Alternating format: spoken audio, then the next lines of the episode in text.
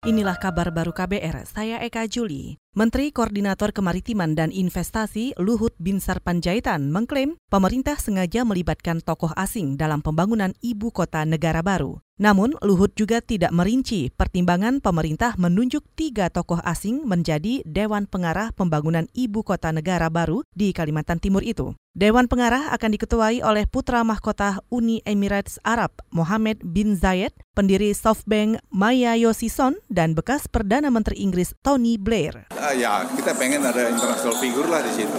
Cuman kan dia ada sedikit kontroversi nih Pak, karena terlibat perang Irak dulu. Ya, urusan kita itu.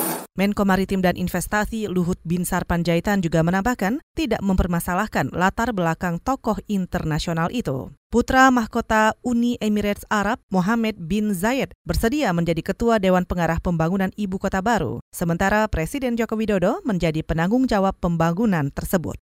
Kita ke bursa saham. Indeks harga saham gabungan atau IHSG terkoreksi dan nilai tukar rupiah melemah pada sesi satu perdagangan. Laporan selengkapnya disampaikan jurnalis KBR Astri Yuwanasari dari Bursa Efek Indonesia, Jakarta. Saudara pergerakan indeks harga saham gabungan atau IHSG terkoreksi 0,38 persen atau 24,20 poin ke level 6.301,20 pada akhir sesi satu perdagangan hari ini. Sementara nilai tukar rupiah melemah 24 poin atau 0,18 persen ke level 13.704 per dolar Amerika Serikat saat indeks dolar Amerika Serikat turun tipis 0,03 persen atau 0,030 poin ke posisi 97,342.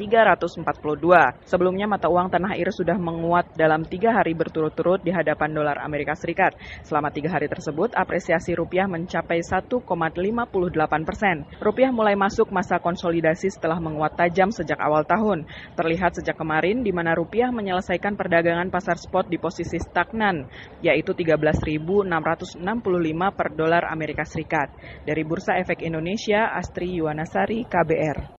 Saudara sebanyak 41 disabilitas netra terpaksa menginap di trotoar Jalan Pajajaran karena dipaksa untuk mengosongkan tempat tinggalnya di asrama oleh pengelola Wiyata Guna Bandung. Pengosongan paksa dilakukan karena berubahnya status panti sosial Bina Netra Wiyataguna menjadi Balai Rehabilitasi Sosial Penyandang Disabilitas Sensorik Netra. Salah seorang penghuni asrama Wiyataguna, Aris, menyebut pengosongan paksa terjadi sejak 9 Februari 2020. Final day-nya itu tanggal 14 kemarin, anak-anak tidak mempertahankan karena barang-barangnya dikeluarkan dengan paksa dan banyak memanfaatkan ketunanetraan kawan-kawan begitu dikeluarin karena banyak ya banyak barang pribadi mereka berusaha menyelamatkan dulu barang-barang pribadinya karena karena kalau kalau enggak itu akan diambil uh, oleh pihak balai disatukan jadi nanti takutnya tercecer ada barang-barang penting Penghuni asrama Wiataguna, Aris, menambahkan asrama tersebut bernilai sejarah dan aksesibilitasnya yang memadai bagi disabilitas netra. Disabilitas netra Bandung juga masih mempertanyakan kepemilikan sertifikat lahan Wiataguna yang merupakan tanah hibah yang kini diklaim oleh pemerintah.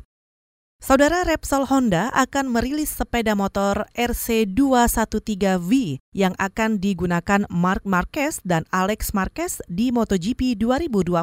Situs resmi Honda Racing Corporation menyebut peluncuran motor baru itu dilaksanakan di Jakarta 4 Februari mendatang. Untuk kali kelima dalam enam tahun terakhir, Honda memilih Indonesia sebagai lokasi peluncuran sepeda motor MotoGP yang baru. Usai peluncuran tim untuk MotoGP 2020, Mark dan Alex Marquez akan terbang ke Sepang, Malaysia untuk menjalani tes pramusim 7 hingga 9 Februari 2020. Saudara demikian kabar baru, saya Eka Juli.